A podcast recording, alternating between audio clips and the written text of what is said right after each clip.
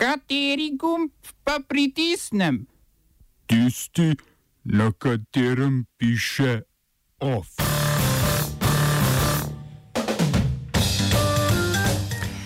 Nove kitajske carine v trgovinski vojni ZDA.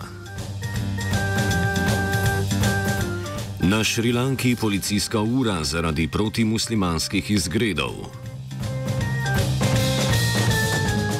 Posojilo mednarodnega denarnega sklada Pakistanu. Vlada predstavila mogočo spremembo volilnih okrajev.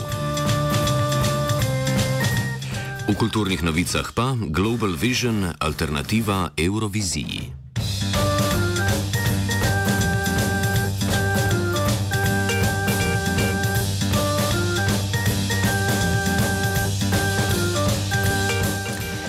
Vlada Šrilanke je zaradi izgredov usmerjenih proti muslimanski manjšini do preklica razglasila policijsko uro po celotni državi.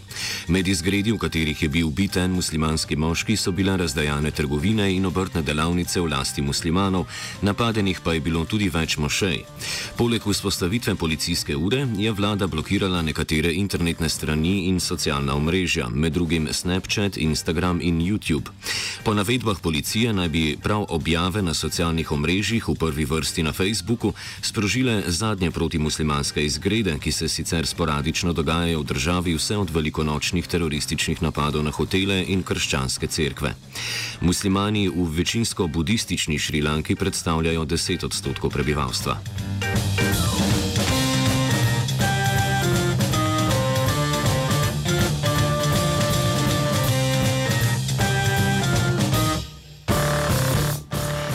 Pakistan se je z mednarodnim denarnim skladom dogovoril za posojilo v vsoti 5,4 milijarde evrov. Denar bo Pakistan prejemal v naslednjih treh letih, v enakem obdobju pa bo država dobila še približno 2 milijardi evrov od Svetovne banke in Azijske razvojne banke. O pomoči iz mednarodnega denarnega sklada se je dogovarjala že prejšnja vlada, ki jo je vodila Muslimanska liga. Novi premijer Imran Khan pa se je dolgo upiral morebitnemu posojilu. Pogoji bodo namreč močno omejili njegove možnosti, da izpolni predvoljne obljube o povečanju pomoči za najrevnejše prebivalce.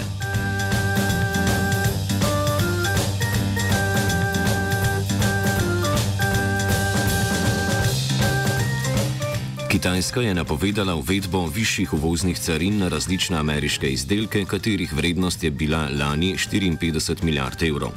Stopnja obdavčitve bo različna, med 5 in 25 odstotkov. Po najvišji stopnji bodo obdavčeni nekateri kmetijski izdelki, petrokemikalije in utekočinjeni zemljski plin, za katerega je Washington upal, da bo postal eden največjih ameriških izvoznih produktov. To je odgovor Kitajske na odločitev ameriškega predsednika Donalda Trumpa, ki je prejšnji petek dvignil ameriške carine za približno 180 milijard evrov kitajskih izdelkov z 10 na 25 odstotkov. Trump je napovedal dodatnih 12 milijard evrov pomoči za ameriške kmete, ki jih bodo prizadele carine, kitajski pa napovedal povračilne ukrepe. Ameriška stran pripravlja uvedbo 25 odstotnih carin še na skupno 270 milijard evrov vredne kitajske produkte. To bi pomenilo, da bi bile uvedene carine na skoraj vse ameriški uvoz iz. Kitajske. Tudi Kitajska je že uvedla carine na skoraj vse uvoz Amerike, a je tok blaga v tej smeri precej manjši. ZDA uvozijo okoli 500 milijard evrov kitajskih produktov, Kitajska iz ZDA pa zgolj 100 milijard.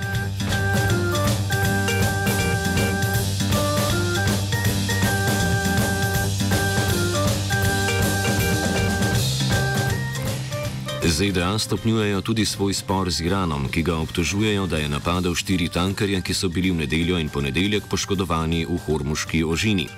Poškodovane so bile ladje iz Združenih arabskih emiratov ter en norveški in dva saudijska tankerja. Incidenti so se zgodili v bližini obale Združenih arabskih emiratov, v njih pa ni bil nihče poškodovan, prav tako ni prišlo do izliva nafte.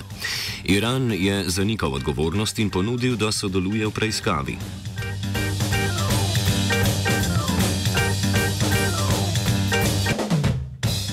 Ostajamo na Bližnjem vzhodu. Jemenska vlada in hutujski uporniki so v Jordaniji začeli nove pogovore po premirju v Jemnu. Glavna točka pogovorov bo delitev prihodkov iz treh pristanišč v največjem jemenskem obalnem mestu Hudejdi. Hutujski uporniki so se, kot je bilo dogovorjeno na prejšnjih pogajanjih v Štokholmu, umaknili iz Hudejde, ki je glavna vstopna točka za uvoz hrane in drugega blaga v Jemnu. Dva poskusa Saudove Arabije, da bi blokirala pristanišča, sta v državi povzročila vse splošno lakoto.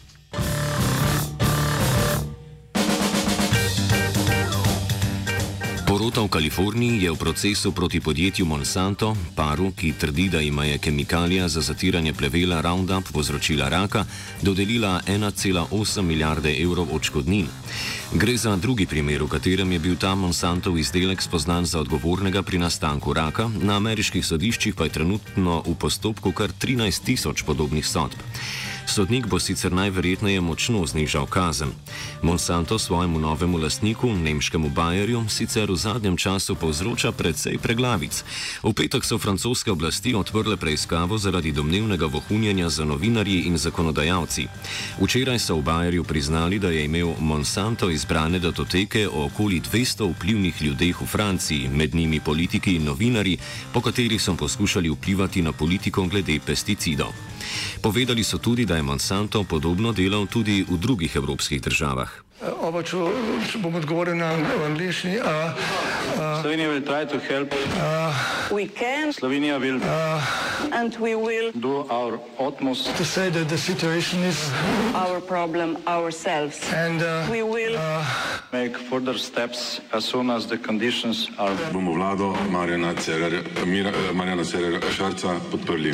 Zelo, zelo resno. Slovenija. We know how and we will. Ministr za upravo Rudi Medved je koaliciji predlagal možnosti za preoblikovanje volilnih okrajev in predloge za spremembo volilne zakonodaje. Po razsodbi ustavnega sodišča namreč zakon o volitvah v državni zbor ni skladen z ustavo. Glavni problem so precej velike razlike med številom volilnih upravičencev v posameznem volilnem okraju. Manjši okraji imajo namreč kar štirikrat manj voljivcev kot največji. Ministrstvo za upravo je na primeru volilnih okrajev Ljubljana Center in Ptuj pripravilo predlog, kako bi bili videti novi okraji. Ti bi imeli po približno 19 tisoč volilnih upravičencev, z odstopanjem do te številke v vrednosti do 10 odstotkov. Po predlaganem sistemu bi morali meje okrajev vsakih 5 ali 10 let prilagajati demografskim trendom.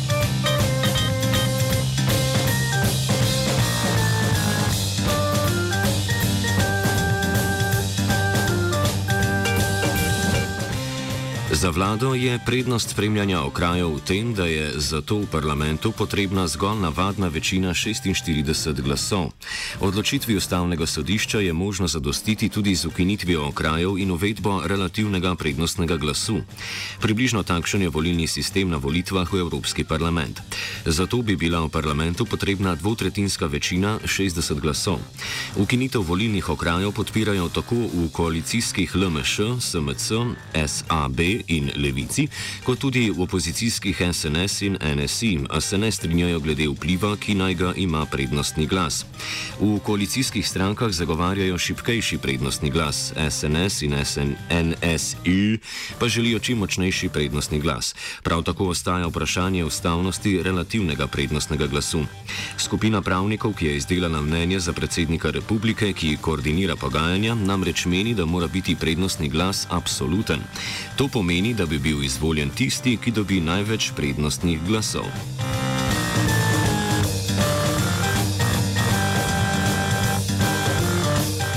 OF je pripravil Gal.